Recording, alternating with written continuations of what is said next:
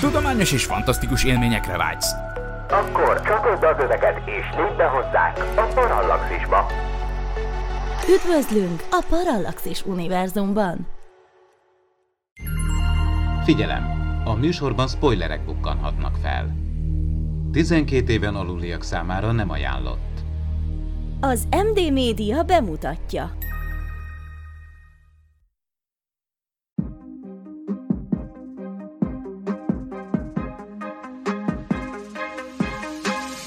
Tudományos és fantasztikus élmények Norbert alaki geográfus, Miklós alakú fizikus és Ádámmal, aki nem. Ez itt a Parallaxis, az MD Media tudományos és fantasztikus podcastje. Filmünkben a nemzetközi űrállomás tagjai a földön kívüli élet bizonyítékára bukkannak, csak hogy a kutatás nem várt fordulatot vesz, miután az idegen létforma terrorizálni kezdi a legénységet. Az űrállomás az utolsó védvonal a bolygónk és az organizmus között, így az űrhajósoknak nincs más választásuk, meg kell akadályoznuk, hogy Kelvin eljusson a Földre. Szeretettel köszöntök mindenkit, ez itt a Parallaxis 80. része a mikrofonnál Horváth Ádám Tamás. Mai műsorunkat a Chat GPT segítségével szerkesztettük meg, és a 2017-ben bemutatott az Élet című alkotást vizsgáljuk. Vince Miklós fizikussal, szia Miki! Sziasztok! És Barkóci Norbi geográfussal, szia Norbi! Sziasztok! Mielőtt viszont beszélni kezdünk az űrkutatásról, az élet eredetéről és a skifi filmek varázslatos világáról, kérlek ne felejtsetek el lájkolni és feliratkozni, illetve amennyiben segítenétek tudományos és fantasztikus podcast univerzumunkat, kérlek fizessetek elő műsorinkra a patreon.com per parallaxis oldalon keresztül. Mai műsorunkban tehát az űrutazás és az idegen létformák témáját járjuk körül, beszélgetünk ennek kihívásairól és a jövőbeni űrmissziók lehetséges kockázatairól, miközben tudományos szempontból vizsgáljuk az Élet című filmet, megvitatjuk az idegen létformák potenciális hatásait az emberi civilizációra, és kitérünk arra is, hogy milyen kihívásokat kell legyőzni ahhoz, hogy az űrkutatás továbbra is biztonságos legyen az emberi faj számára. Norbi, neked mi volt az első benyomásod a filmmel kapcsolatban? Mennyire tűnt tudományosan megalapozottnak az Élet című filmben látottak, illetve maga a kutatás egy idegen faj után? Én nem most láttam ezt, ezt a filmet, 2017-es ugye az Élet, abban az évben láttam, pontosan nem, nem hiszem, hogy moziba, de valahogy utólag. Amikor elsőnek néztem, akkor nem tudományos szemmel, de most, hogy újra néztem a podcastra való felkészülés során, most már kicsit ilyen tudományosabb szemmel is néztem, és egy picit azért itt bele lehet azért kötni egy pár helyen, hogyha nagyon szőrszál hasogatók akarunk lenni, de úgy összességében többé-kevésbé a helyén volt a, a film. Szórakoztató faktor, azt szerintem az viszont az teljesen, teljesen oké, és tehát egy átlag uh, skifi rajongó vagy mozi néző szerintem ez a film teljes egészében elégedett lehet, hogyha, hogyha meg majd úgy is belemegyünk a részletekbe, akkor azokat úgy is megbeszéljük, hogy mi az, ami, ami azért nem, nem teljesen úgy van, ahogy az lennie kellene. Egyébként nagyon, nagyon korrekten, vagy nagyon piszin fogalmazol, tehát igazából Norbi, jó volt a film, vagy szar volt a film? Mi volt az összbenyomásod róla? Nekem tetszett. Tehát alap, alapjáraton tetszett. Azok a színészek, akik szerepelnek benne, Ryan Reynolds, Jake Gyllenhaal, őket, őket általában szerettem, meg általában jókat is szoktak hozni. Mondom, a, hogy ha elkezdjük nagyítóval vizsgálni, akkor persze találunk benne dolgokat, de, de azon kívül ez egy, ez egy tök jó skifi, összességében következetes, jó kis, jó kis ilyen, ilyen, ilyen horror, horror beütésű. Biztos beszélünk majd róla, hogy milyen referenciákból dolgozott, tehát itt azért ilyen kis alien, meg ilyen, ilyen referenciákat lehet érezni, és ez az egész klaustrofób ötlet, ugye, hogy nyilván be vannak zárva, vagy viszonylag szűk és zárt helyre. Ezek az ilyen típusú filmek nekem általában bejönnek, úgyhogy uh, ilyen volt a, uh, a nagy, egyik nagy kedvencem, az 1982-es John Carpenter féle Dolog című film. Ott ugye egy uh, kutató állomás az Antarktiszon, és ott is be vannak viszonylag zárva, viszonylagosan egy fix helyre. Hát ugye itt a nemzetközi űrállomáson is hasonló a helyzet, úgyhogy az ilyen kis klaustrofób uh, filmek, horrorok, ezek, ezek nekem alapjáraton jöhetnek.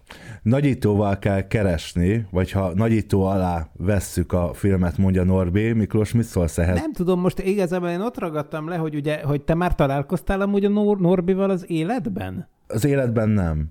Na úgy, megy gyorsan. Mondtad, hogy a műsorunkat a ChatGPT szerkeszti. De most egyrészt ugye gyanúsan nyomdakészen fogalmaz a Norbi, ugye? Másrészt ugye megkérted, hogy mondja el a filmről, hogy jó-e vagy szar, és egyébként pont az adás előtt kísérleteztünk azzal, hogy meg akartad kérni a ChatGPT-t, hogy írjon egy lehúzós kritikát a Parallaxis podcastról, és akkor erre a ChatGPT így kihátrált, hogy sajnos nem áll módonban jön. Tehát, hogy, és akkor tehát egy született diplomatának tűnik egyelőre még ugye a, a ChatGPT, és akkor így az villant át a fejemen, hogy, hogy de mindegy. Majd, a Norbi mind, az, hasonló, bizt... ugye, meg, meg volt az érzés, hogy mintha Norbi ChatGPT-ből dolgozna, tehát, hogy vagy ő maga lenne. Lehet, hogy fölmerül... Mintha ő maga lenne. Hát én látom ugyan a képernyőn a fejét, de ugye emlékszünk arra, hogy, a, hogy az egyik évadzáróba egy AI Csajci mondta fel a Parallaxis felkonfját. Na mindegy. De mindegy, a adás végéig biztos kiderül, hogy átmegy a Norbi a Turing teszt. Na jó, van, oké, okay, oké. Okay. Háttérben egyébként hallani a, a, a kisgyermekes sírását, hát igen. Úgyhogy, úgyhogy, úgyhogy várjál, bocsánat, de akkor ezek szerint az egyik, egyik terminust azt ugye teljesítette, mert hát ugye a, a, a szaporodás, vagy, a, vagy a, az utódnemzés az, az, az fontos a, az, a, az élet meghatározása számára, nem? Tehát, hogy akkor beszéltünk életről, ha például többek egyebek mellett tudja reprodukálni magát. Igen, hogy volt itt egy kérdés, ja, hogy nagyítóval kell keresni. Igen, na figyelj, hát itt ugye két részre kell bontani, az egyik, amit lehet elemezni és érdemes is, az pont ez, amiben belekezdtél, hogy ez így életforma szempontjából ez mennyire oké okay ez a dolog, ami történik, elképzelhető-e ilyen életforma, nagyon érdekes dolgok ezek. A másik meg az ű, űrös égi mechanikai valami. Gondolom itt ez esetben az utóbbi az a nem annyira izgi része, tehát nagyjából el lehet intézni. Bocsánat, szerintem nem, mert akkor, akkor kezdjük, kezdjük is el, mert kb. a film elején Na. történik valami, ami, hát felfigyeltem rá, ugye amikor elkapják az őrületes tempóba érkező kapszulát, és nem csak, hogy elkapják ezzel a robotkarral, aminek azért azt gondolom, hogy a mozgatása az azért nem ennyire könnyed és, és simulékony, mint amennyire ott ezt látjuk, hogy mennyire viszonylag mennyire egyszerűen elkapják ezzel a, ezt a kapszulát, hanem ugye van egy nagy becsapódás, és hát engem azért érdekelne, hogy mit szólna ehhez például a Newton-féle mechanika és az ISS pályája egyáltalán hogyan lenne képes a látottaknál az ennél sokkal kisebb mértékben irányítható robotkar erre a feladatra? Nézzük akkor, ugye arról van szó, hogy a Mars felszínéről egy automata űrszonda feltehetőleg ugye hozott egy mintát.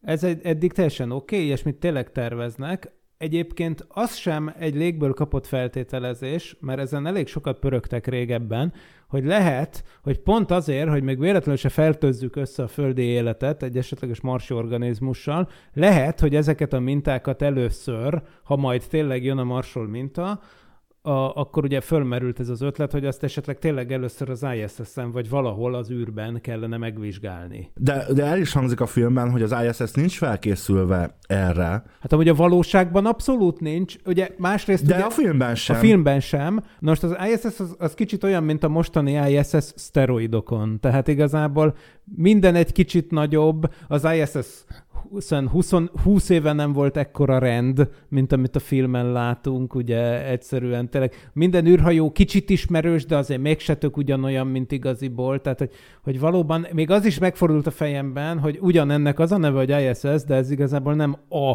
jelenlegi ISS, hanem egy ISS, tehát egy nemzetközi űrállomás, ami a mostaninak egy fejlettebb verziója. Ott is ez a Jekaterina nevű nő, a parancsnok amúgy mond egy olyan dumát, hogy hogy ugye 30 éve fönt van már az ISS.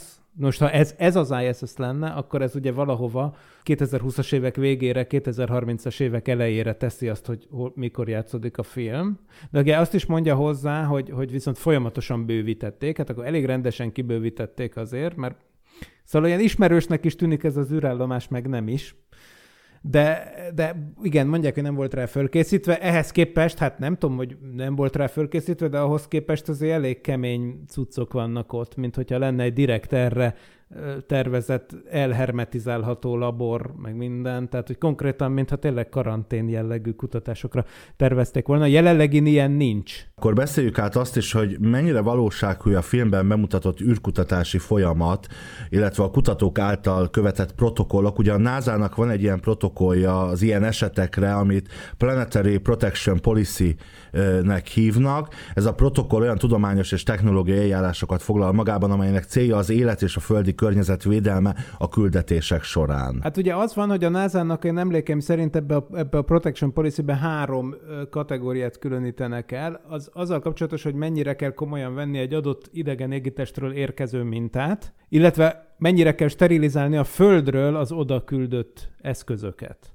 Nyilván, amikor egy olyan égitestre küldenek egy űrszondától, felmerül a kérdés, hogy van ott őshonos élet, akkor egyrészt fokozottan vigyázni kell az onnan hazajövő mintákra, Másrészt fokozottan vigyázni kell arra, hogy ne fertőzzük mi össze földi bacikkal, ezért például sokkal alaposabban kell egy Marsra küldött űrszondát sterilizálni, mint mondjuk egy kisbolygóhoz küldött űrszondát. Utóbbi esetében lényegében, tehát sokkal lazábbak ezek a kritériumok, nem, nem többek, mint mondjuk egy távközlési műholdnál a földkörüli pályára. Ezt képest, amikor Marsra küldenek valamit, nagyon, nagyon fontos. Tehát a Planetary Protectionnek elsősorban a fe, éppen annyira, sőt, inkább az a feladata jelenleg még, hogy, hogy a célbolygót védjék meg a földi baciktól.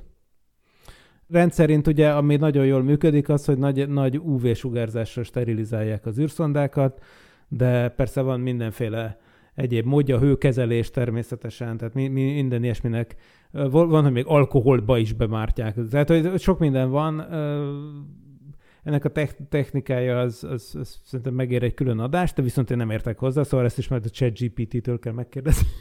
Már közben itten írja nekünk a planetáris védelmi politikanak a két fő elvét, vagy a két fő részét egyébként összhangban veled.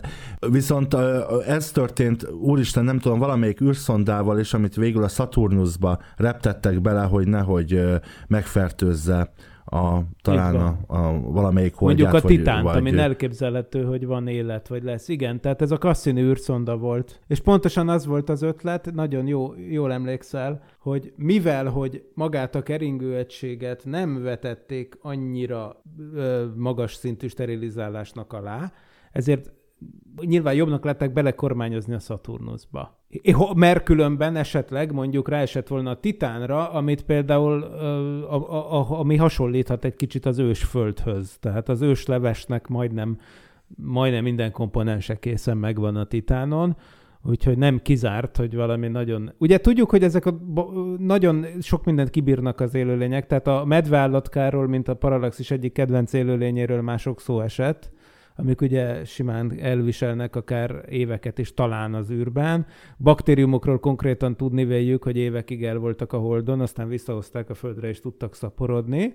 És akkor, ha már közelítsünk a filmhez, ugye most már azt is tudjuk, és ennek sajnos most volt a 20. évfordulója a Kolumbia űrrepülőgép szerencsétlenségének, na abból tanultuk meg, hogy meg olyan magas szintű életformák, mint a fonalférgek, az már egész hasonlít ahhoz, ami a filmben van, azok is túl tudnak ér, élni, nem is az, hogy az űrbeli körülményeket, hanem a belépést a légkörbe, és a lezuhanást, úgyhogy közben szétég az űreszköz. Mert ugye a Kolumbia űrrepülőgéppel az történt, hogy vizsgáltak ilyen kis fonalférgeket a fedélzeten, de sajnos ugye 20 éve volt 2003. február 1-én ez a tragédia. Szana széjjel szakadt az űrrepülőgép, meghaltak az űrhajósok, és a roncsdalabok szóródtak szét Texasba. Tehát tulajdonképpen az űrrepülőgép itt úgy viselkedett, mint egy meteor.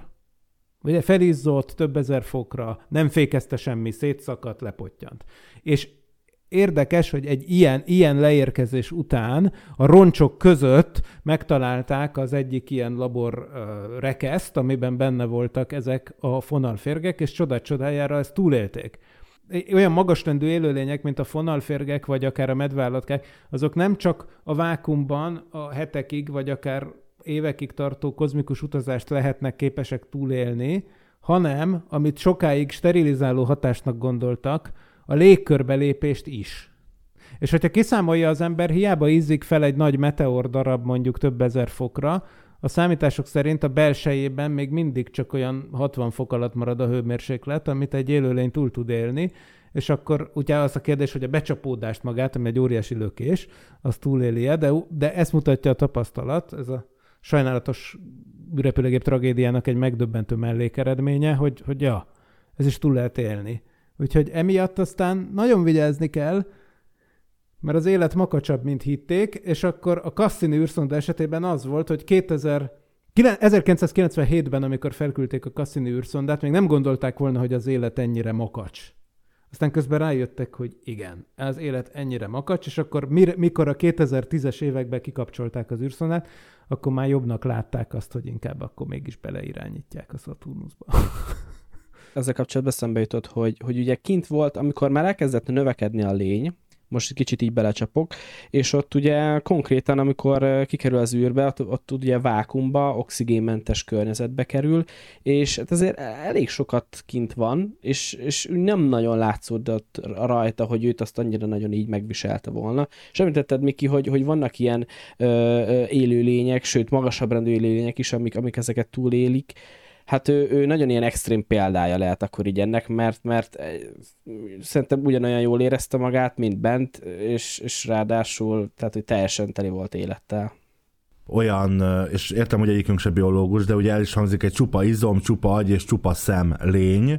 Ez szerintetek mennyire lehetséges mondjuk egy ilyen létformát találni? Hát ugye az őssejtek azok hasonló dolgot csinálnak. Ugye az őssejtek azok még ugye nem differenciálódott sejtek, ami azt jelenti, hogy azok azért nagyon jók, mert ugye ugyanúgy, ha éppen idegsejtre van szükség, akkor idegsejté válnak, ha éppen mit tudom én, más, mit tudom én, hámsejtre van szükség, akkor azzá válnak, tehát, hogy ugye univerzálisan tudnak működni, és itt is, ha jól értem, valami ilyesmiről van szó, hogy elkezd osztódni, és akkor azt hiszik, hogy egy teleptest lesz belőle, de aztán kiderül, hogy oppá, ez nem egy baktériumtelep, hanem, hanem konkrétan egy idegrendszer épül ott ki, és elkezdenek a különböző részei differenciálódni, ez egyébként szerintem teljesen hasonlít ahhoz, ami az embrió esetében történik az embernél. Csak úgy tűnik, hogy ő ezt így magasabb szinten tudja működtetni, mert úgy látszik ezt a képességét ő az élet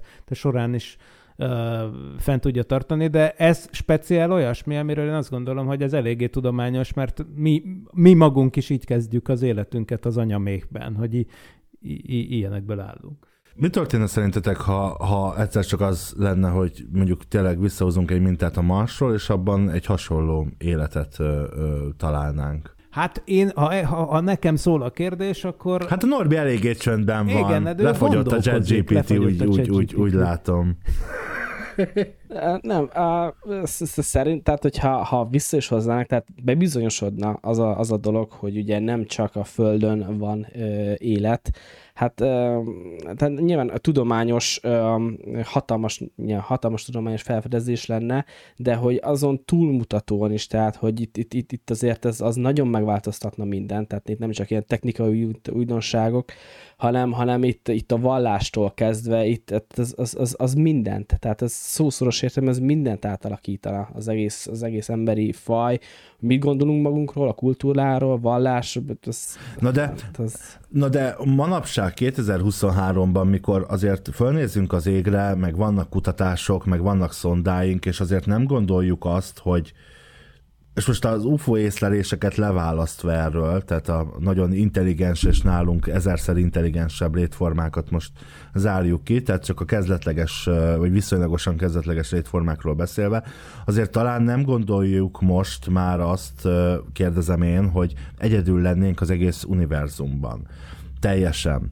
Manapság még számítana ez igazán? Tehát, hogy, hogy meg az inger küszöböt átlépni, az emberek azt mondják, hogy igen, nem vagyunk. Tehát lenne ez egy olyan, olyan felismerés, mint amikor mondjuk a Star Trek-ben megérkeznek a vulkániak, és akkor rájövünk, hogy nem vagyunk egyedül, és itt van egy másik űrutazásra képes intelligens faj, tehát hogy, hogy egy olyan esetről el tudom képzelni azt, hogy ugyanígy, mit tudom én, amikor a bolygó neve Föld című sorozatban megérkeznek a télonok, és akkor, és akkor az emberek így rácsodálkoznak, hogy igen, itt van egy másik humanoid faj. Most azt azért szembeállítani azzal, hogy mondjuk valami kis baktérium, vírus, vagy másfajta ilyen létformát találunk, szóval, hogy nem, nincs az, nincs az úgy, hogy most már ezen, tehát hogy ez nem, nem lenne annyira címoldalas, biztos erről szólna a CNN öt napig, de hogy hát most már azért ezt, ez, ez nem olyan... Azt mondod, hogy nem lenne akkor a világnézet formáló ereje. Igen, szerintem nem. Igen. Hát figyelj, ez egy nagyon és bocsáss, meg, kérdés. és bocsáss meg, még egy nagyon fontos momentum is van manapság ebben az egészben, hogy bizony azért az emberek nagy többsége nem biztos, hogy elhinné. Tehát a lapos földhívő, hmm. Balaton tagadó, kemtrélező közönség, az nem biztos, hogy nyitottan állna ez a kérdéshez, ha nem úgy érkeznének meg ezek a földön kívülek, hogy a, a Blahalújza tér kellős közepén leszállnak, és, és onnan közvetíti a tévé. De van, és... akinek még, a, van, aki még van, akkor, aki még is akkor se, de az, már egy másik. Hát ez olyan, mint amikor a Bödösnek van ez a poénja, hogy az x a, a, a, szegény Scully-t már dugják az ufók, de ő még tamáskodik, tehát Na, hogy ugyan hát már ezért modern. használtam ezt a szót. Na, imádom, látod? Van imádom. itt kultúra. Na figyelj, az van, hogy, hogy igazából igazad van, nagyon sokat változott a világ, azért valamennyire a hatás az 1996-ban ki lett próbálva, olyan értelemben, hogy akkor volt az, hogy Bill Clinton bejelentette, országvilágnak, hogy a NASA kutatói az ALH 84001 marsi meteoritban, hát nem jelenleg élő, de fosszilis baktérium lenyomatokat találtak. Ez egy És ellenmondásos találtak? kutatás. Hát akkor azt mondták, hogy találtak, aztán később persze az most jelenleg az az álláspont, hogy ez nem konklúzív életnyom, de, de most a társadalmi, a társadalmi impaktjára azért olyan értelemben volt lehetőségünk megfigyelni. Én erre tökre konkrétan emlékszem, 11 éves koromból, tehát hogy, hogy óriási csinnadratta, az amerikai elnök jelentette be, és, és valóban az volt, hogy hát azért annyira nem rázta meg a világot. Amúgy egyébként érdekes, hogy ennek a bejelentésből kivágott konkrét részleteket, amikor bejelenti a Clinton. A Kontakt című filmben. A kon- kontaktba felhasználtak. Igen. Mert hogy szó szerint föl lehetett használni, mert hogy elmondta Bill Clinton, hogy, hogy úgy tűnik nem vagyunk egyedül, és hogy ez sorsfordító íze, és, és tényleg az volt, és őszintén szólva a, a, a publikum érdeklődését az valóban megragadta ideig, óráig, de nem, nem ugrottak ki az emberek az ablakon, meg nem, tehát hogy nem, nem vágta őket annyira földhöz, és én azt hiszem, hogy akkor is hasonló lett volna a hatás, hogyha konkrétan élő organizmusokról lett volna szó. Mert tényleg az intelligenciára hajt mindenki. Ja. Igen, csak uh, nyilván ilyenkor mindig az élet, meg, meg a Hollywood itt azért nyilván elválik, tehát hogy nem egy ilyen, vagy nem egy olyan találkozás, ez számít, mint például mondtál Ádám, vagy mint, mint itt az Élet című filmben volt, hanem hogy esetleg egy egykor élő organizmusnak valamilyen kis bizonyítéket találták, nem annyira átütő, nem lehet így nagyba kirakni az újságok, meg a tévé címlapjára, hogy itt van, így néz ki, nem lehet megfogni, ezért, ezért nem megy át úgymond az üzenet. Pedig szerintem, hogyha tényleg valami ilyesmi jellegű ö, bizonyítékunk lenne, az is igaz, amit mondhatok, igen, hogy, hogy nagyon sokan szkeptikusak lennének, és, és egyáltalán nem hinnének benne, de szerintem itt azért az, a, a, az emberiség társadalom jelentős részének itt tényleg teljesen, teljesen alapbelébe kellene átgondolni így a, a, a helyét így a, a, az univerzumban. És szerintem szóval azt kéne, itt, azt kéne itt megérteni, tehát az, azért lenne szerintem egy döbbenetes ez a felfedezés, hogyha lenne ilyen, akkor két dolog lehet. Egy, az is ugyanolyan jellegű élet, mint a miénk, mondjuk mit tudom én, van DNS-e, vagy RNS-e, vagy valami, akkor azért izgi, vagy teljesen más kémián alapszik, mondjuk mondok valami hülyeséget, nem is szén alapú, hanem szilícium alapú, mit tudom én, akkor meg azért lenne rettentő érdekes.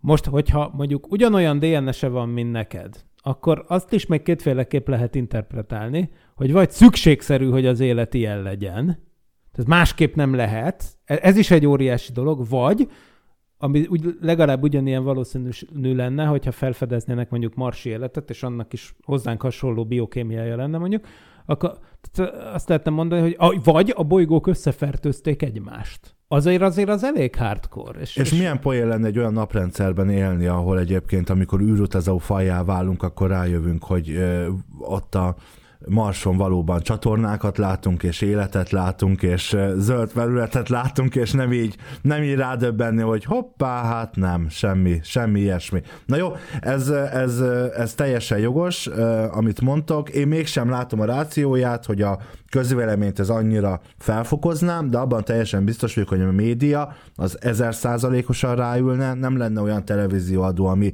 valamilyen aspektusát ne tárgyalná egy új életformának, amit felfedezünk a naprendszerbe, és tudományosan nyilván óriási jelentősége lenne, és előre vinne kutatásokat is, de akkor, ha már kézzelfoghatóságról beszélünk, akkor beszéljünk Kelvinről, aki azért kézzelfoghatóvá válik, sőt, tulajdonképpen a science fictionünkből egy egész horrorfilm kerekedik. Két dolog jutott eszembe, amikor néztem a filmet Kelvinnek kapcsolatban. Egyrészt, hogy az meg volt említve, hogy valamilyen formában el volt téve a, a Marson, tehát hogy egy korábbi légköri viszonyokban fejlődhetett ki, egy, egy ilyen ősi marsban, ahol még a légkör is valószínűleg oxigénnal dúsabb volt, stb. tehát más feltételek mellett, aztán hibernálódott, és ebben a formában érkezett meg az űrállomásra.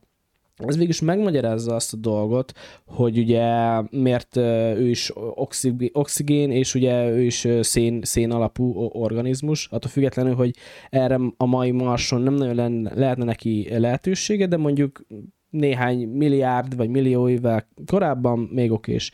Ez még szerintem amúgy talán rendben van, ami viszont talán nem az, hogy tényleg milyen rohamos ütemben kezd el fejlődni. Tehát, hogy nem tudom pontosan mennyi időt telik el a, a befogástól a film végéig, de szerintem itt ilyen mondjuk egy napról, tehát ilyen órákban mérhető. Ott vannak ilyen ugrások, talán egy-két hét, hét, talán, talán van ilyen, hogy hat nappal később, mintha lenne valami ilyen A legelején igazad van. Igen, de- igen, igen, tényleg. Tényleg De mindegy, tényleg. brutál ütemben növekszik a cucc. Tehát, hogy ahhoz én Ja. nem tudom, hogy milyen anyagcsere, meg mennyi energia kell, vagy tehát, hogy mi a legközelebbi ö, példa, amit, amit ismerünk tényleg így a Földön, de hogy ö, hát ez, ezt szerintem egy kicsit fel kellett így gyorsítani, így hollywoodi, hollywoodiasan. Az biztos.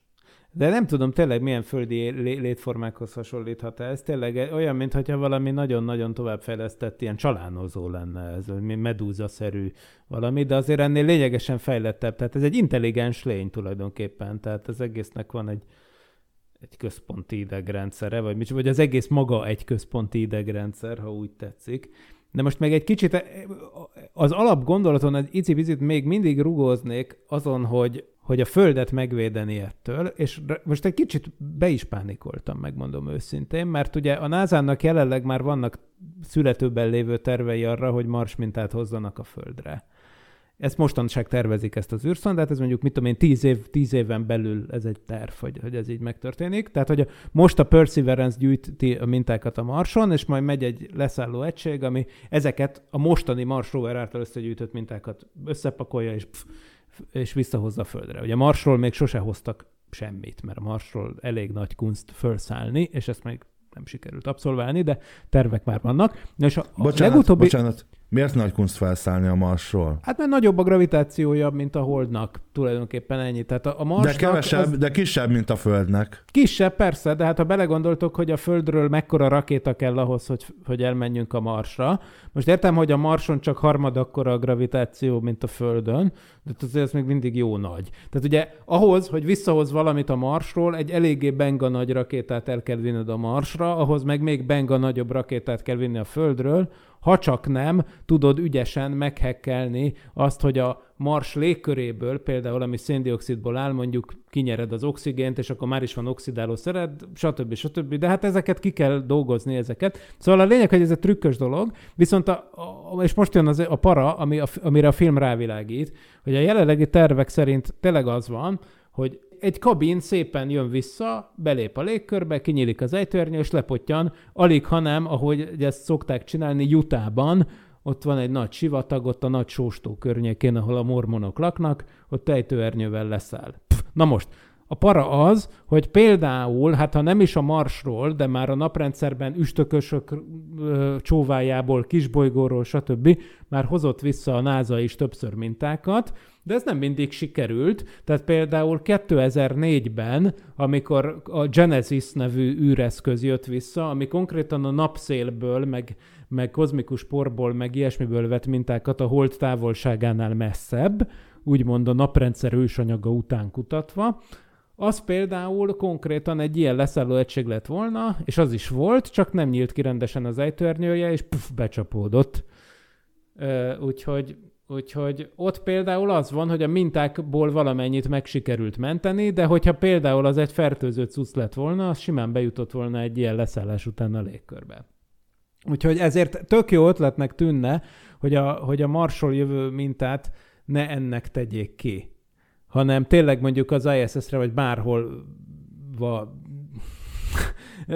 ott vizsgálják meg először, de azért ezt nem annyira egyszerű megcsinálni, és, és hát igen, tehát ha egy kicsi esélye is van ennek, akkor ezt azért akkor, akkor erre azért figyelni kéne, de a jelenlegi tervekben ez, amit a film bemutat, nem szerepel. És hogyha ezeket, um, ezeket a protokollokat ugye megtervezik és, és kialakítják őket, akkor azt el, el tudjátok képzelni, hogy az űrhajósokat erről nem értesítik, hogy ennek milyen lépései vannak, és hogy ott fent kell rádöbbenék, hogy lehet, hogy a halálukban mentek fel, tehát hogy az ott elég meredek volt, hogy ja, amúgy van egy ilyen protokoll, azon gondolkozom, hogy az Apollo űrhajósoknál hogy volt? Mert ott ugye tudjátok, őket is karanténba dugták a leszállás után, mert gondoltak, hát, hát ha a Holdon, a még kisebb esély volt, hát ha a Holdon is vannak mikroorganizmusok, megvizsgálták a holdkőzeteket a laborba, rájöttek, hogy nincs benne élet, és akkor meg, hogy él, él az Armstrong is, meg a, és akkor úgy néhány hét után kiengedték őket a karanténból. De hogy mi volt a protokoll arra az esetre, hogyha kiderült volna, hogy nem? Akkor ők életük hátra levő részébe ott laktak volna karanténban? Ők erről tudtak? Ezt aláírták? Tehát ez egy történelmi kérdés. Tehát ez, ez, ez nem is science fiction, hanem ez a valóság, és én nem tudom a választ. Tehát, hogy ilyenkor mi lett volna a protokoll? Tényleg? Megsemmisítik őket? Vagy, tehát, hogy valaki, valaki ezt egyszer a 60-as években már végig gondolta élő emberekkel. Neil Armstrong és Buzz Aldrin is hát azért önmagában inkább katonák voltak, mint civil űrhajósok. Tehát ma, manapság sok civil űrhajós vagy sok civil kutató jut fel az ISS-re például, és ott kutatásokat végez, de nem katonák, nem az amerikai légierő tagjai. Mondjuk az ha... Armstrong hív amúgy konkrétan civil volt. Igen? Ez, ez... Hát valaha katona volt, de amikor űrhajósnak állt, akkor formálisan ő már Aha. civil. De hogy, de az hogy Aldrin nem, nem de az Armstrong az Ezt nem tudtam, de hogy, hogy nem úgy van ez, hogy akkor, tehát hogyha mi fölmennénk, tehát ha velünk történne ez, és megfertőződünk valamivel, akkor nem úgy van, hogy bátran feláldozzuk magunkat, és beveszünk a cián kapszulát a kis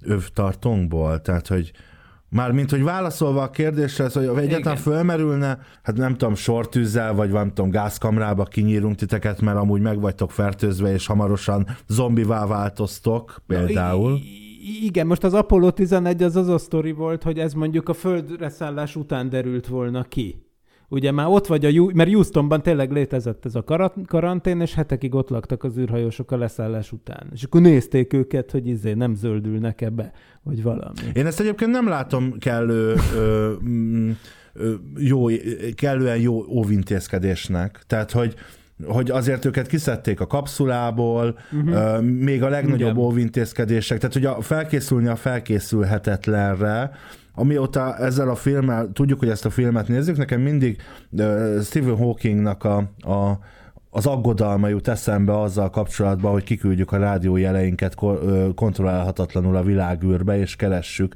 tudatosan is keressük akár az értelmes lényeknek a, a lényekkel való kapcsolatot, hogy talán ez rosszul is sülhet el, és valahol számomra erről szól ez a film, hogy ott nagyon édes, mindenki babusgatja, nagyon nem tűnik veszélyesnek, aztán egyik pillanatról a másikra elszabadul a pokol, és úgy látom, hogy erre nem, hogy nincsenek felkészülve a kutatók ezen az űrhajón, vagy ezen az állomáson, hanem még mintha szinte mindent meg is tennének annak érdekében, hogy, hogy hát megszívják. Tehát például, például mondjuk nagyon érdekes, amikor ugye próbálják, ott a, a kutató próbálja őt árammal, elektromossággal stimulálni, Hát mindig a Boston Dynamics-es videók jutnak eszembe, amikor az ilyen emberszabású robotokat így megküldik egy nagy, nem tudom, bottal, és ellökik, és ugye, hogy talpon tud-e maradni. Hát, amikor majd föllázadnak ellenünk, akkor bizony,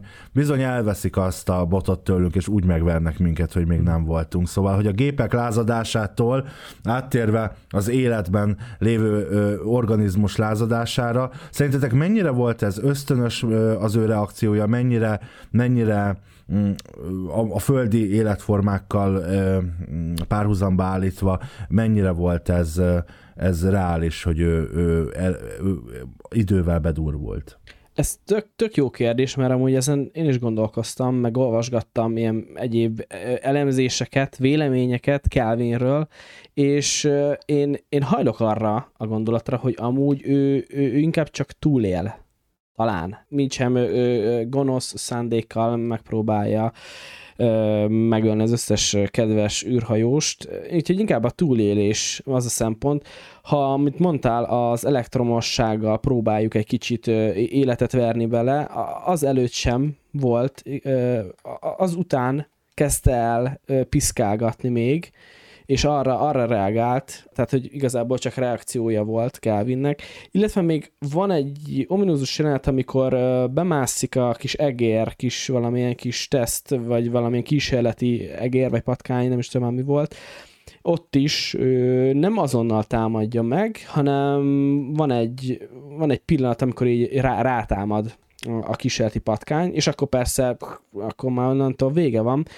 Úgyhogy nagyon sokszor az van, hogy ő csak, ő csak reakció, reagál a környezetére, és hát megpróbál túlélni. Meg ismerünk, ismerünk olyan embert, aki ilyen, ha fölébresztik. Tehát azért vegyük észre, hogy ez nyugodtan aludt volna ez a lény, csak elkezdték csesztetni áramütésekkel.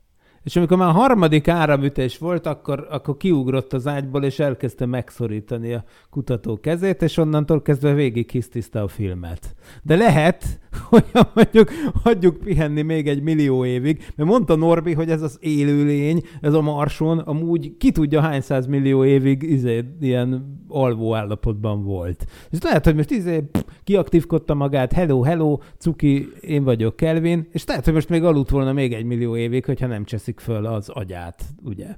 mormotát játszik, és, és halottnak tetteti magát, amikor ugye ott megváltozik a nyomás, ott van egy kis, kis technikai hiba ott a film első felében, és ott úgy néz ki, hogy egy kicsit visszahibernálul ő, és Igen. ugye akkor kezdik, kezdik igazán baszogatni Igen. szerencsétlen. És akkor, akkor jön ki belőle az állat, ugye, úgymond. Tehát, hogy valójában itt is egy kicsit, lehet, hogy erre is rá lehet húzni azt, amit a Jurassic Parkban láttunk, hogy, hogy hát ezek csak állatok, Tim. Ezek csak, ezek csak csinálják a dolgukat. Ezek ilyenek. Nem kellett volna őket fölcseszni. Nem kellett volna oda menni. Minek ment oda? Ja, minek ment oda? Mint Godzilla ja. New Yorkban. Ez jó kérdés.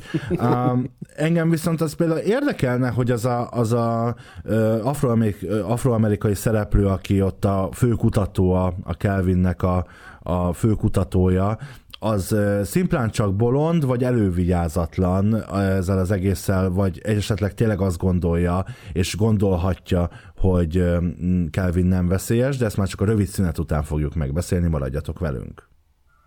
Légy részese tudományos és fantasztikus utazásainknak, lépj be az univerzumunk színes világába, és légy a támogatónk. patreon.com per parallaxis. Szóval szerintem az a csávó bolond. Hát hagyja, hogy táplálkozzon belőle tulajdonképpen a Kelvin később. Nem tűnik úgy, hogy alkalmas a feladatra. Mit gondoltak erről? Nagyon érdekes, igen, ez a Hugh, Hugh nevű karakter. Az elején ugye vannak amúgy ilyen, ilyen, ilyen zsáner filmekben ilyen karakterek, akik így a, a, a szörnyekhez valamilyen, valamilyen bizarr módon elkezdenek vonzódni, és segítik őket, és, és elárulják a társaikat, meg és hasonló. És én is ezt hittem, hogy igen, van egy ominózus jelent, amikor a lábából ott fogyaszt, de nem, de nem, mert hogy ő ugye deréktől lefelé le van bénulva. Ő nem érzezte a lábát, nem tudta, hogy rajta van a lábán, nem szánt szándékkal csempészte be. Nem tudta? Nem tudta, hiszen nem érzi a lábát. Azt nem tudta, hogy hmm. mi baja van, akkor még szerintem nem, a keze el volt törve, azon kívül akkor még talán más baja nem volt, de elég rossz bőrben volt, De, de szerintem nem érezte, hogy rajta van a lábán. De aztán javítsatok ki, hogyha ha, ha... Igen, de az biztos, hogy ugye ő az, aki azt az álláspontot képviseli végig, hogy ő, hogy ő nem rossz indulatú a Kelvin, ő csak úgy él, éldegél, mint amit Ellen Grant mond a Jurassic Parkban, hogy hát ezek csak állatok, hát most ők csak csinálják a dolgukat. Tehát, hogy ő ezt a megközelítést, ezt a, hát mondhatjuk, hogy tudományos megközelítést, szemben ugye a karantén felelős főhős nővel, aki meg ugye bevallja, hogy ő konkrétan gyűlöli ezt a, ezt a lényt egy adott ponton. Bármennyire is nem tudományos ez. Az biztos, hogy, hogy megengedőbb, és persze én azt hittem, hogy az lesz, hogy megszállja. Tehát ugye, és látunk egy csomó ilyen filmet, én azt hittem, hogy az lesz, hogy, hogy, hogy, hogy legalább részben belepetézik, vagy mit tudom én, és akkor átveszi a csávónak az idegrendszere fölött az uralmat, hogy mit tudom én, és akkor ilyen szájlon, mint, tehát hogy valahogy elkezd úgy viselkedni, mint hogyha embernek látszó ám, de az emberek ellen dolgozó karakterré válik. Én ezt vártam, hogy ez fog történni. Ryan Reynolds esetében egy pillanatra ez felsejlik, de Aha. aztán kimászik a szájából. Tényleg, maga, maga Ryan Reynolds ezen, nem tudom, én legalábbis, amikor elsőnek láttam, ezen meglepődtem. Tehát ő az első, aki meghal a film, nem tudom, első harmadába. Tehát, hogy erre, erre így nem számítottam. Ha az bemegyünk az oroszlán ketrecébe, és ott megkezdjük egy bottal piszkálni az oroszlánt, akkor hibáztatható-e az oroszlán azért, hogy mondjuk leharapja a kezünket és széjjel tép, mert hogy erről szól tulajdonképpen az a kérdés, Így amit van. itt most feszegetünk. Mit gondoltok Főleg, erről? az oroszlán egy másik bolygón évszázmilliókon keresztül nyugiban ott volt lehibernálva, ugye? Tehát ez ismét a, mi, a minek ment odának a minősített esete, és bizony-bizony ezt mondom, hogy valójában ez egy, ez egy teljesen valid kérdés, ilyen bolygóvédelmi szempontból, amit ez a film feszeget. De ebbe legalább tisztességes. Oké, okay, hogy a Ryan Reynolds hal, hal meg először, és ez meglepő, de ebbe legalább az egész castot tisztességesen kicsinálják. Tehát nulla darab túlélő van. Sőt, a végén ugye, spoiler, felsejlik, hogy az egész 8 milliárd fős emberiség is ki fog halni, és az utolsó pillanatig nem tudjuk, hogy a két kabin közül melyik ér le a földre, és melyik megy el, ugye, mert ugye azt a mestertervet találják ki, hogy a űr, űrpilóta, aki már eleve gyűlöli a Földet, meg már eleve 400 nem tudom hány napja fent van a, a, az űrben, és azt mondja, hogy neki elege van a földiekből, mert azok csak háborúznak, meg minden. Ő ilyen módon tök logikusan önként felajánlja azt, hogy ő beszáll az egyik olyan szajúzba, ami a filmben tök máshogy néz ki, mint az igazi szajúz, de mindegy, tehát beszáll egy ilyen ilyen űrhajóval is úgy módosítja a pályát, hogy lepattanjon a légkörről és kirepüljön a francba, míg a másik mentő űrhajóval a nő visszajön a földre, és akkor ehhez képest ugye mi történik? Fordítva történik meg a dolog, egy irányítási hiba miatt. Ki gondolta volna? Ki gond... Én nem gondoltam nem volna. Gondoltam, Tehát én már gondoltam, hogy legalább egy ember túléli ezt a filmet, kinyílik, mint Sandra Bullock, amikor izé, tudod, a, a mi az? Gravitáció. Gravity. Igen. igen. Igen, de gondoltam, na, hát ez lesz, ez jó van, hát ki, majd, majd kimászik a kabinból, és akkor izé, mert hát mégiscsak Hollywood, és akkor ehhez képest nem, hát ez egy horrorfilm, azért itt mindenki rendesen meghal, mert ugye a legvégén kiderült, hogy ja, konkrétan a nő rendült ki a légkörből a francba, az ő kabinjával, és a kabin, amit egyébként a, a meghalt japán űrhajósra megtévesztésig hasonlító halász, de kinyitja, és akkor bizony ott jön a probléma, mert akkor kitesszük a föld légkörének a kis Kelvint, és akkor... Na, ha már szóba hoztad, így van, ha már szóba hoztad a gravitációt, és Norbi is említette a műsor elején azt, hogy hát azért volt ikletése ennek a filmnek, volt miből táplálkoznia. Itt már elhangzott a gravitáció, elhangzott a, mondjuk a nyolcadik utas a halál mondjuk. Mi, mivel véltek még párhuzamokat felfedezni, vagy, vagy történetszálakat kicsit azonosan látni ezzel a filmmel? Nekem még a Napfény című film is eszembe jutott 2007-8 környékén, szerintem Danny Boy, nem akarok hülyeséget mondani, hogy kirendezte, meg Killian Murphy a főszereplő benne, és aki Hiroyuki Sanada, aki, aki az ázsiai színész játszotta itt, ő abban a filmben is benne volt. Az a film igazából arról szól, hogy ott meg a nap, nap, nap leállt a napunk, és elutaznak oda, hogy berobbantsák egy atom töltettel. Ez ja, megint egy mag. Ma kettő, ezt is Olyasmi, betervezzük. olyasmi. De úgyhogy nekem az jutott eszembe, nyilván voltak színész egy- egyezések is, az is klaustrofófilm, ott is minden, ami elromolhat, az elromlik, úgyhogy, úgyhogy és, és az is tetszett. És az Apollo 18 az nektek megvan? Igen. Én Na, az, az is egy science fiction horror film, az is nekem, nekem az, az ugrott be. Ugye egyébként ez egy ilyen elég, eléggé alacsony költségvetésű amerikai-kanadai science fiction horror, ami, ami konkrétan a, egy soha nem létezett Apollo 18 küldetésről szól, amelynek keretében tulajdonképpen hát űrhajósokat evő holdkőzetek, vagy valami ilyen elég brutál életforma van a Holdon, és hát ugye végül ott is mindenki meghal, ha jól emlékszem, az, az egy hasonló, hasonló dolog volt. Csak persze mondjuk tizedennyi pénzből lett legyártva az a film, tehát ennek megfelelőek a különbségek, de minden eset, de egy rendkívül jó film amúgy egyébként így történeti szempontból, emlékeim szerint. Az egy jó régi film, ami úgy a, nem, mármint ö, 2011-es, tehát nem, nem is annyira régi, de már homályosak az emlékek. Egyszer kibeszélhetnénk azt is egy szép napon. Már beírtam. Ó, oké. Mi volt a legtudománytalanabb jelenet számotokra?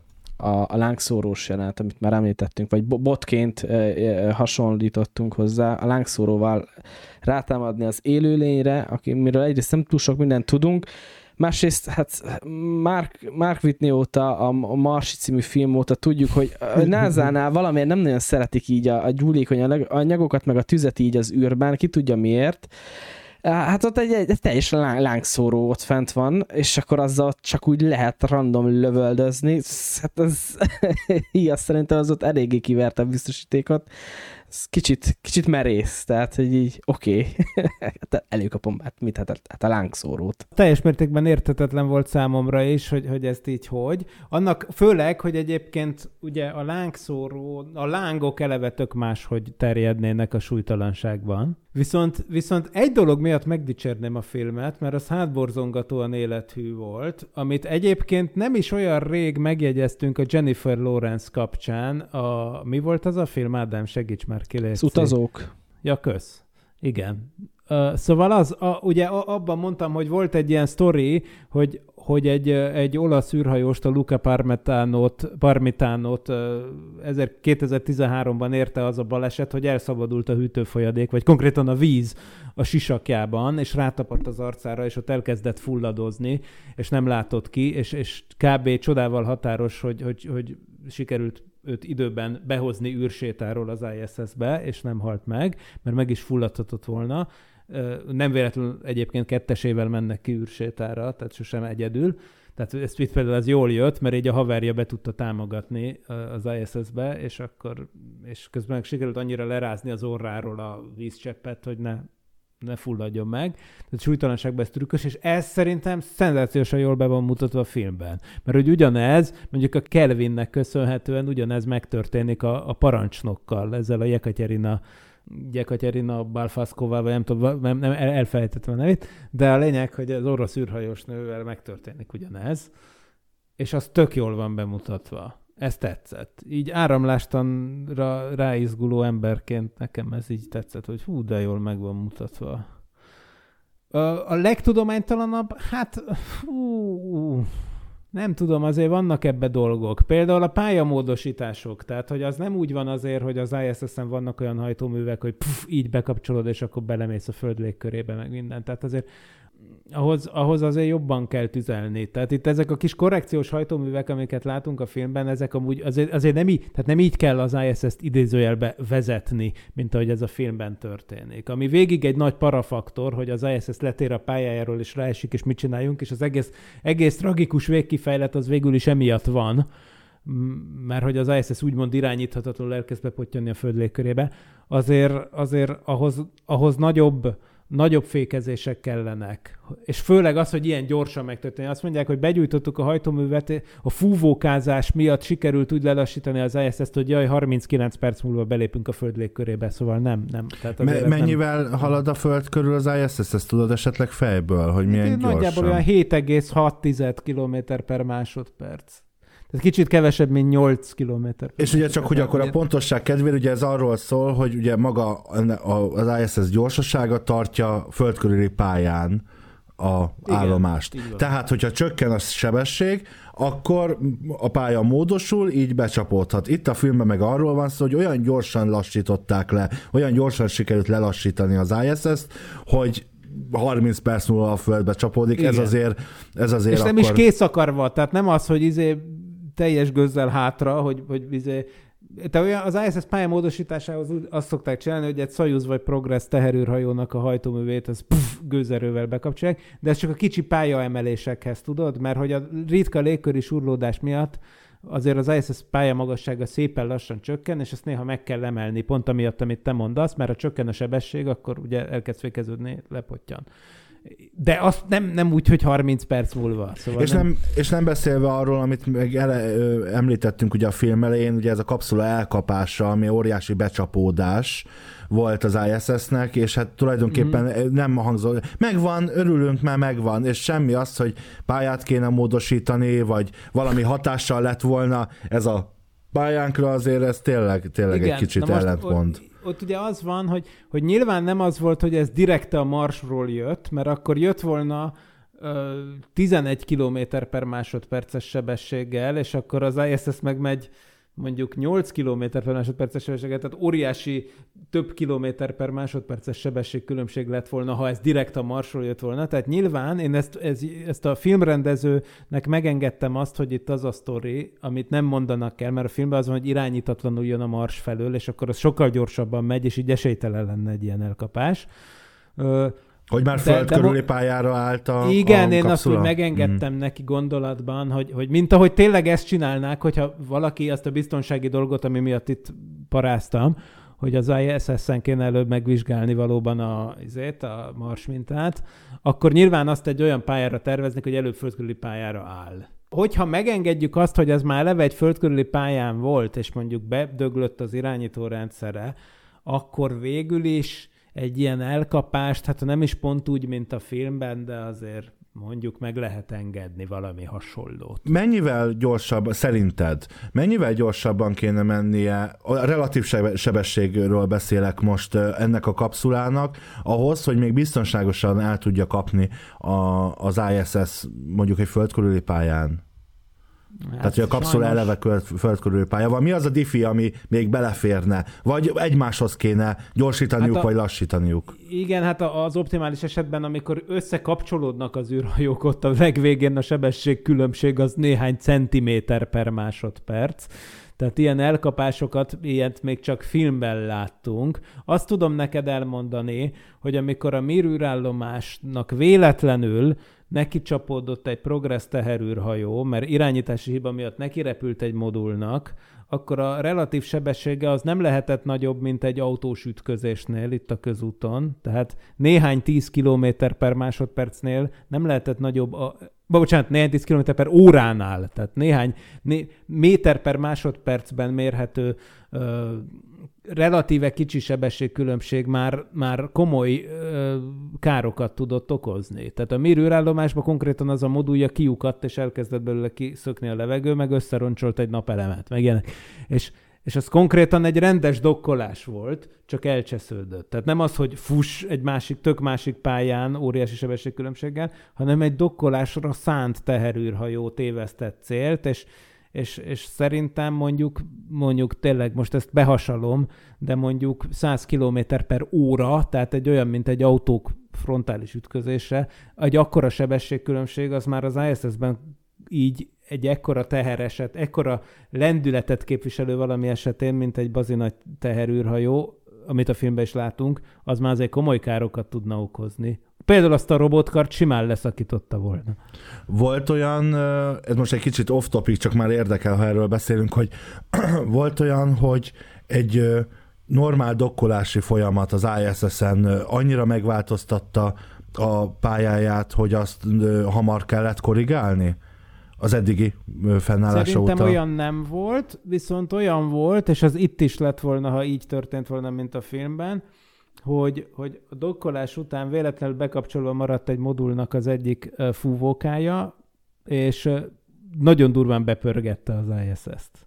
Tehát Ez már, ez már ez, például nincs benne a filmben. Talán a Gemini program óta ismerjük oh, jaj, ezt bizony, a hát dolgot. a, a, a Gemini 8 aztán főleg igen, de az ISS-nél egyébként tavaly előtt volt egy hasonló eset, amikor az orosz kutatómodul oda kapcsolódott, és ő, az orosz kutatómodul számítógépe még azt hitte, hogy ő még szabadon repül az űrben, és elkezdett pff, így pályakorrekciókat végrehajtani úgy saját magától, miközben már az ISS-hez volt kapcsolva, és akkor elkezdett az egész pörögni.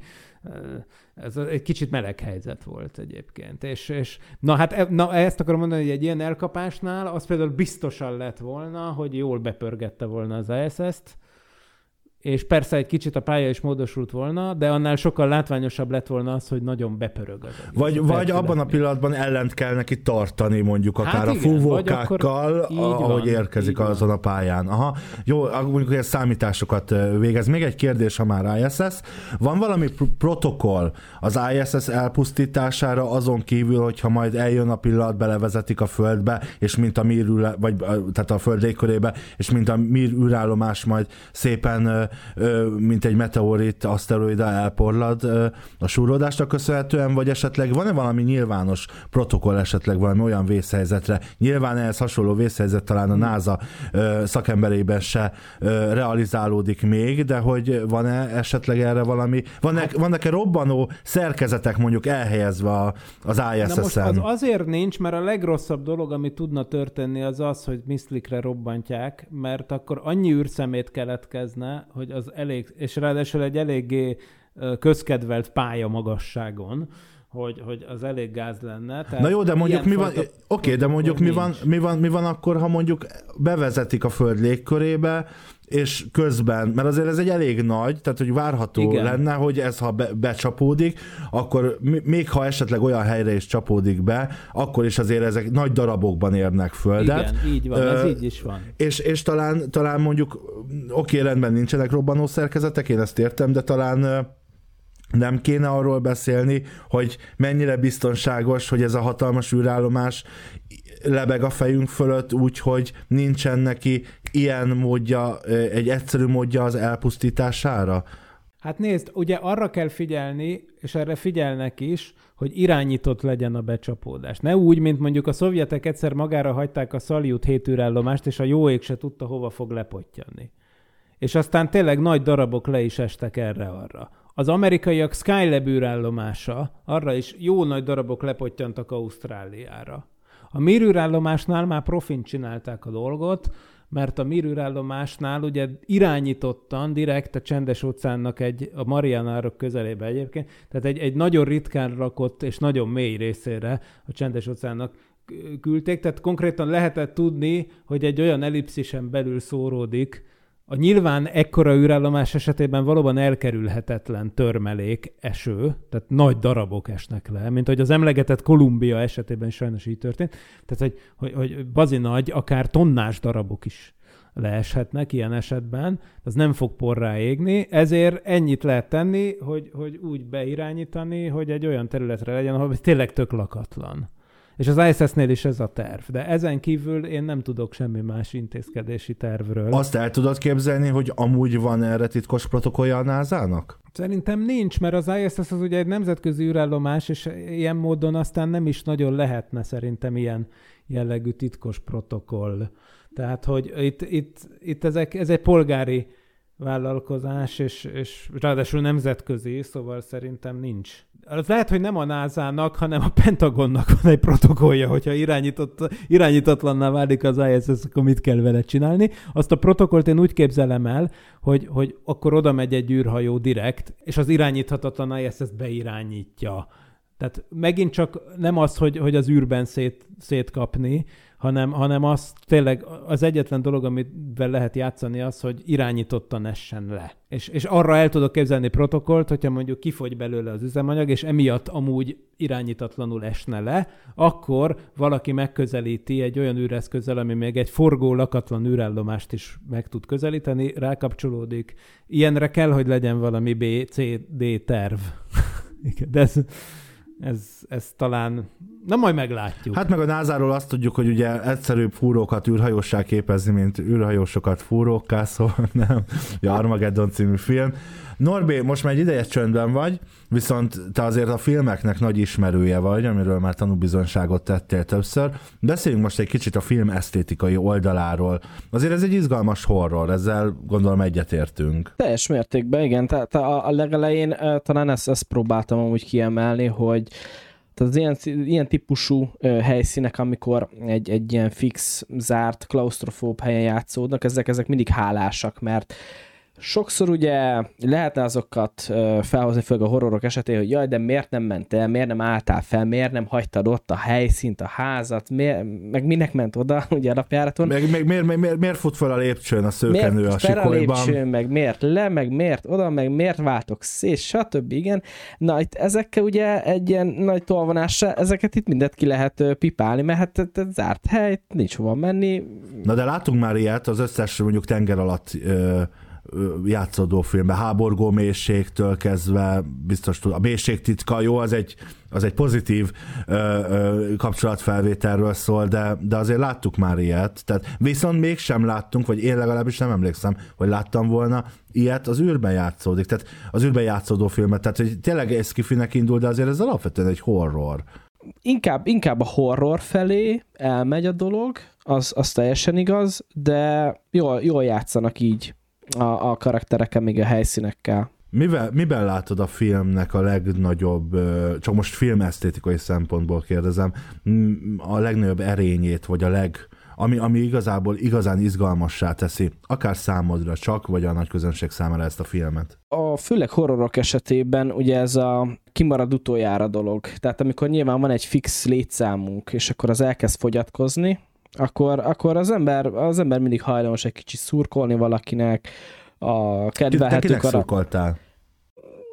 Hát azután, hogy Ryan Reynolds meghalt nagyon gyorsan az elején, hogy kicsit izé, kicsit pánikba estem, hogy úristen, akkor most itt ki lesz a következő, mert ugye, van ugye a... Ryan Reynolds halála az már önmagába hát, ö, ö, garantálta, hogy ha ő meghal, akkor utána hát kb. mindenki I- meghal. Igen, ugye, ilyen, volt ez? Ilyen trónok harca, meg, meg egy-két ilyen sorozat szeret ezekkel élni, hogy, hogy a legváratlanabb főszereplő, vagy főszereplőnek hit karaktereket intézik el, és általában a leg legdurvább módon, úgyhogy onnantól kezdve nem, nincs ö, biztonságban senki, úgyhogy, de hát mondjuk Jake Gyllenhaal, igen, őt, őt, őt, szeretjük, tehát, hogy őt, őt így, így szerettem volna, hogyha ő, ő megúszza, aztán hát ö, sikerül is, meg nem is szegénynek. Meg nem is. Mm, vizuálisan a, a, a legelső jelenet, amit már említettünk, aminek a lezárása a, az elkapás, mm, ott az egy, ha jól emlékszem, legalább egy 8, 8 perces, 8 perces, hát vágás nélkülinek álcázott vágatlan, hosszú ö, snit. Persze vannak benne ilyen rejtett vágások, de például az, az szerintem az egy erős nyitány, az, az tök jól kezdett, és a, a filmnek a legvége is, talán nem már benne biztos az utolsó kép, amit látunk, de szerintem az egyik utolsó, amikor felülről látjuk a már be, be, becsapódott kabint, igen, a, a, ott a tenger közepén, és hát az ember nem tudja nem látni a, a hasonlatot, hogy ugye a kis kabin, mint egy, mint egy női petesejt, és a sok kis csónak közelíti meg, mint a férfi hímivar sejtek, és így megtermékenyítik, és az élet utat tör magának. Ez egy szép zárás volt szerintem. Szép, ezt a műsor végén kellett volna elmondani, de nagyon jó, nagyon jó. Uh, Miki, te kinek szurkoltál? Hát én azt hittem én is egyébként, hogy valahogy a Jake ez meg fogja oldani, mármint az ő által játszott karakter ö, meg fogja oldani valahogy a dolgot. Tehát, hogy én azt hittem, hogy egyrészt a nő az visszatér a földre, mint Sandra Bullock, oké, okay, és akkor én gondoltam, hogy még esetleg lesz benne egy csavar, tudod? És gondoltam, hogy valahogy a csávó is életben marad. De így, így, így volt tökéletes. Így volt tökéletes. És az, az megvan, vagy azt uh, annó néztétek, amikor megjelent ez a film, volt mellé egy ilyen vírusmarketing-szerű dolog, nem tudom, hogy szent szándékos vagy véletlen, de egy időben el volt terjedve az, hogy ez a film, ez az előzetes, elő, előzetes film, a prequelje a Venom című filmnek. Ugye a Venom az egyik pókember spin-off, és ugye amikor visszaérkezik a földre ez a lény, ez a, hát ugye a Venomba ez egy, egy, egy szimbionta, egy élősködő szervezet, és akkor ez a kettő film valahogy így kapcsolódik, és hogy így kerül a földre, és hogy ez is a pókember Marvel filmes univerzum hoz valahogy csatlakozik, de ezt végül is ezt, ezt, ezt teljesen ez kitalált dolog, és, és nem így volt, de adta volna magát a... Pedig szép, szép gondolat. Szép gondolat. Időben stimmel? Tehát én nem, annyira nem vagyok pókember szakértő, hogy Hát Semmit a Pókember univerzum, belőle. meg ezek a Marvel DC univerzumok, amikről a Média Zabálók című műsorunkban is beszélgettünk, és beszélgettünk is már, azok azért azok közé tartoznak, ahol Egy évvel utána jött ki a Venom, tehát hogy így éppen, hogy így Igen, de hogy úgy értem, hogy amikor játszódik az idősíkja, tehát ez ugyanígy ilyen 2030 körül. akkor is játszódhat. Bármikor, tehát pókember van, Aha. olyan pókember is, aki fekete-fehérben létezik, és a nem tudom, a 30-as, 50-es évek ö, ö, ö, világába játszódik. Tehát egyébként beleférne bele, tulajdonképpen bele, be lehetett valami. volna, igen, igen, igen, minden probléma nélkül valamelyik alternatív univerzumába pókembernek, igen. Érdekes, érdekes. Szóba került már, Norbi szóba hoztad a műsor elején a vallást, meg a filozófiát, hogyha kiderülne, hogy amikor arról beszélgettünk, hogy kiderülne, hogy van élet a, a Földön kívül. Egy kicsit térjünk vissza ez a témához.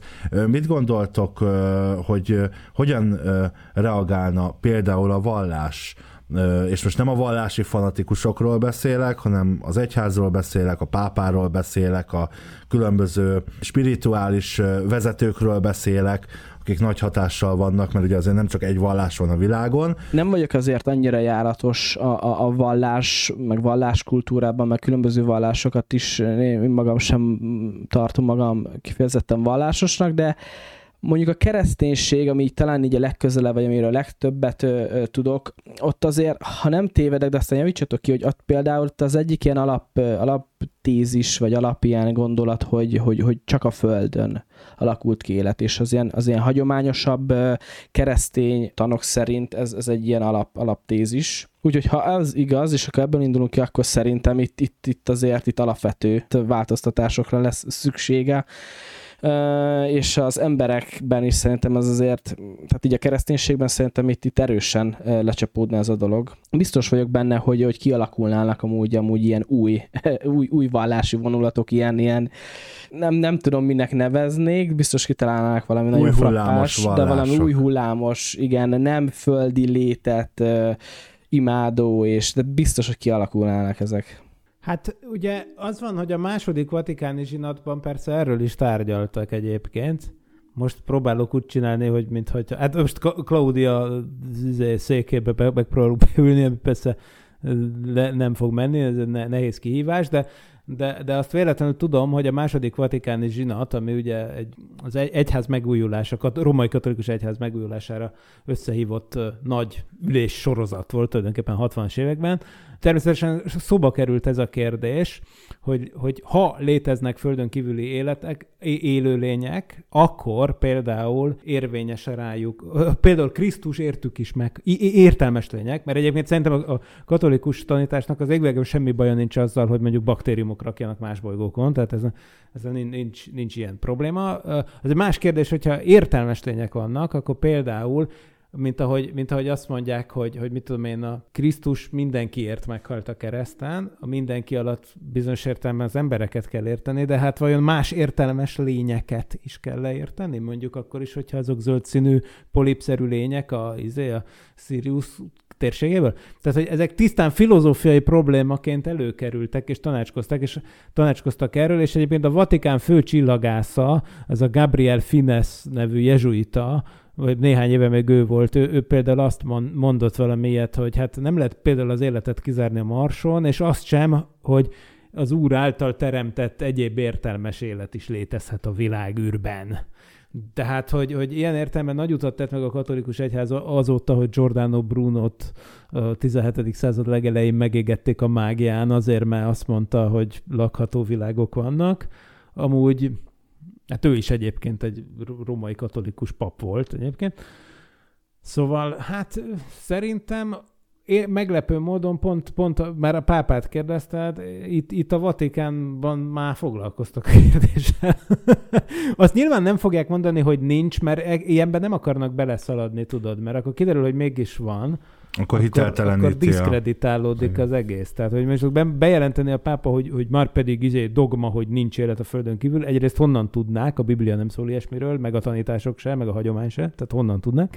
Másrészt, ha megmondana valaki ilyet, és másnap meg egyértelműen kiderülne, hogy mégis, hát hogy pff, az egy nagy pofon lenne, amiben senki nem akar beleszaladni. Ti mennyire tartjátok valószínűnek, hogy esetleg megtörténhet egy ilyen? Most nem az, hogy az ISS-en befognak egy kapszulát, de hogy bizony úgy érkezik ide egy uh, ilyen idegen faj, hogy egy meteoritban, ugye láttunk ilyet az Evolúció című David Gyukovnyi filmben. Nekem most ez alapján egyből a, hát ugye pár évvel ezelőtti Covid nagy ö, pánik, meg a Covid hullám elején ö, ö, már mindannyian emlékezünk rá, hogy milyen fejetlenség volt sok helyen, több szinten is, médiában, politikában, közhangulatban is, úgyhogy ilyen szempontból én ezt simán el tudom képzelni, hogyha valami ilyesmivel találkozunk, akkor, akkor ez az lesz, hogy, hogy még sose történt ilyen, pánikba esünk, így társadalom szintjén, meg emberiség szintjén, és főleg, hogyha például tényleg olyanról van szó, hogy valami interstelláris baktérium vagy vírus, és akkor az elkezdi tizedelni az emberiséget, fix, fix, hogy elpusztítanak minket, és hogyha nem, vagy valamennyien túlélik, akkor abban még biztos vagyok, hogy ez, ez tovább fejlődik, úgy, mint a filmben Calvin. Egy, egy dolog biztos, hogy lesznek olyanok, akik megpróbálnak majd szexelni ezekkel a lényekkel. Ez, ez fullos. Műfajt váltottunk itt a... Biztos, hogy lesznek ilyenek is. A csúcson kell abba hagyni. Igazából az van, hogy én szerintem amúgy ez tök realisztikus. Tehát ez egy sokkal realisztikusabbnak elképzelhető forgatókönyv, egy föld, egy, egy űrből jött vírus. Ez szerintem szenzációs elképzelés, vagy baktérium, ami, amire nincs felkészülve a földi ökoszisztéma, és mindent bedönt. Elmondtuk sokszor, hogy például ugye a, amikor a, a indián civilizációk kihaltak Amerikában, azt is csak kis részt az európai népírtó emberek csinálták, persze az ő sem elhanyagolható, de például az aszték és maja kultúrák kihalásában ennél sokkal nagyobb szerepe volt az Európából beérkező baktériumoknak, amikre az ottani, meg, meg vírusoknak, amikre az ottani a immunrendszere még nem volt felkészülve. És Európában meg már mindenki immunis volt. Na szóval, hogy, hogy ja, én szerintem ez tök elképzelhető, hogy nem az, hogy egy szuper civilizáció idejön, hanem hogy mi hozunk mintában valamit, egy kezdetleges életformát, ami, aminek azonban nincsen ellensége a Földön, és mindent kiírt. Tehát ez szerintem egy tök elképzelhető. Honnan, honnan tudjuk, hogy most nincsenek köztünk? Honnan, honnan tudják a kutatók, hogy a különböző vírusok, baktériumok, vagy akár egy újonnan felfedezett élőlény, a nem tudom, a, az óceánban, az, az, az, az földi eredetű. Nem merülhet ez föl? És mi történik, ha az derül ki, hogy esetleg hát ennek nincsen, nincsen uh, nyomait korábban, a, a genetikája, akár a DNS-e az nem, nem olyan, mint ami ennek lennie kéne, ha itt fejlődött volna ki. Figyelj, simán benne van a pakliban, hogy a földi élet az űrből jött. És az is benne van a pakliban, hogy a földi élet többször kihalt. És, és például akár amiatt, mert az, igen, ez simán lehet, hogy már megtörtént ez a sztori. Ja. Szerintem már elválasztasz, hogy sehogy. Tehát, hogy, hogy ha, még, ha még az ilyen a természetföldrajzi tanulmányaimra, hogy még visszaemlékszek, valami olyasmi a tendencia, hogy évről évre több millió fajt tudunk felfedezni. Tehát még most sem az van, hogy ismerjük az összes élőlény növényeket, állatokat, hanem hogy egyre többet fedezünk fel. Tehát, hogy e, e, esélytelen, nem, nem, nem tudhatjuk. Azt biztosan tudjuk, hogy minden ma élő élőlény a Földön az egy közös östre visszavezethető, de az nem azt jelenti, hogy nem volt egy még korábbi élet, ami nyomtalanul kihalt hogy sajnos ugye DNS nem marad meg, tehát a legrégebbi életnyomok, amik vannak, ezek a stromatolit nevű teleptestkövületek, amik három és fél milliárd évesek, tehát azt már lehet tudni, hogy a Földön, amikor a, épp hogy kialakult a naprendszer, utána egy milliárd évvel már volt élet a Földön. No de onnantól kezdve egészen addig, hogy olyan élőlények megjelennek, amik már bonyolultabbak, mondjuk többsejtőek, meg már vázuk van, ami meg tud kövülni, meg ilyesmi, addig közben eltelt szolid 3 milliárd év. Tehát a kambrium korszakban jelennek meg az a mértéktelen mennyiségű kövület, lenyomat, nyomfosszília, az ugye csak idézőjelbe az elmúlt fél milliárd év. És akkor közte volt még egy három milliárd éves szakasz, amiről már tudjuk, hogy volt élet a Földön, de például azt nem tudjuk, hogy, hogy, hogy az mondjuk ugyanaz az élete, mint ami most van, vagy az már többször kihalt és újraindult, mert ugye erre is lett volna idő. Tehát, hogy lehet, hogy a Marsról jött egy izé, egyik bolygó lehapciszta a másikat, aztán kihalt, aztán volt egy hógolyóföld, minden befagyott, mindenki kihalt, másik bolygó, összeütközött a Föld egy másik bolygóval, mindenki kihalt. Izé, tehát ez mind-mind szerintem simán benne lehet. Sajnos az a baj, hogy lehet, hogy sose fogjuk megtudni. Az univerzum, a világmindenség életkorát figyelembe véve eléggé tudománytalan azt állítani, nem, hogy hogy mondjuk egyedül Igen. vagyunk. Hát Avi Leib barátainkat is idézhetted volna, mert ő kb. ugyanezt mondja.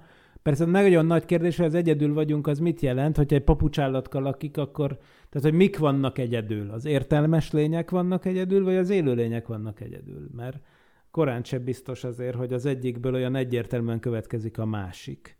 Hát ha csak nem derül ki tényleg, hogy a dinók a Holdon jártak, akkor azért azt elmondhatjuk, hogy magának az intelligens élet kialakulása, tehát az élet kialakulása is egy rulett, de az intelligens élet kialakulása még abban is egy rulett, hiszen számottevően sokkal tovább voltak ezen a földön a dinoszauruszok, és annak a különböző fajai, mint amennyi ideje az emberiség intelligens és űrutazó civilizációként megjelent a Földön. Csak ilyenkor mindig az, még csak egy gondolat, hogy ugye egy, egy bolygót ismerünk, amit egy, egy bolygót tudtunk eddig ugye vizsgálni, és akkor ugye a klasszikus példa, hogy egy mérés nem mérés, úgyhogy tényleg nehéz viszonyítani így, hogy nincs más. Hát jogos.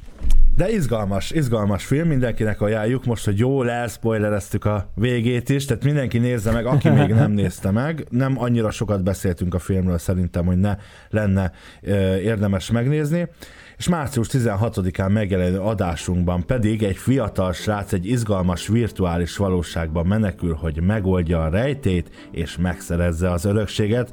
A Ready Player One tele van popkulturális utalásokkal és szórakoztató akció jelenetekkel, miközben egy kibertélbeli játékban zajlanak az események. Steven Spielberg moziával jövünk tehát legközelebb, addig is Barkóci Norbi, Vince Miklós és valamennyi munkatársam nevében köszönöm, hogy velünk tartottatok, további kellemes podcast hallgatást kívánok és ne felejtjétek, ez a formátum annyira tökéletes, hogy kép sem kell hozzá. Sziasztok!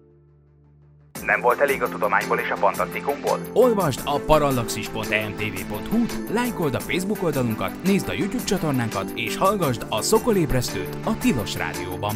A Tudományos Újságíró Klubja és a Tudományos Ismeretterjesztő Társulat által a Juhari Zsuzsanna díj külön díjával jutalmazott blog podcastjét az MD Media készítette. Kreatív producer Horváth Ádám Tamás. Hamarosan jön a következő rész.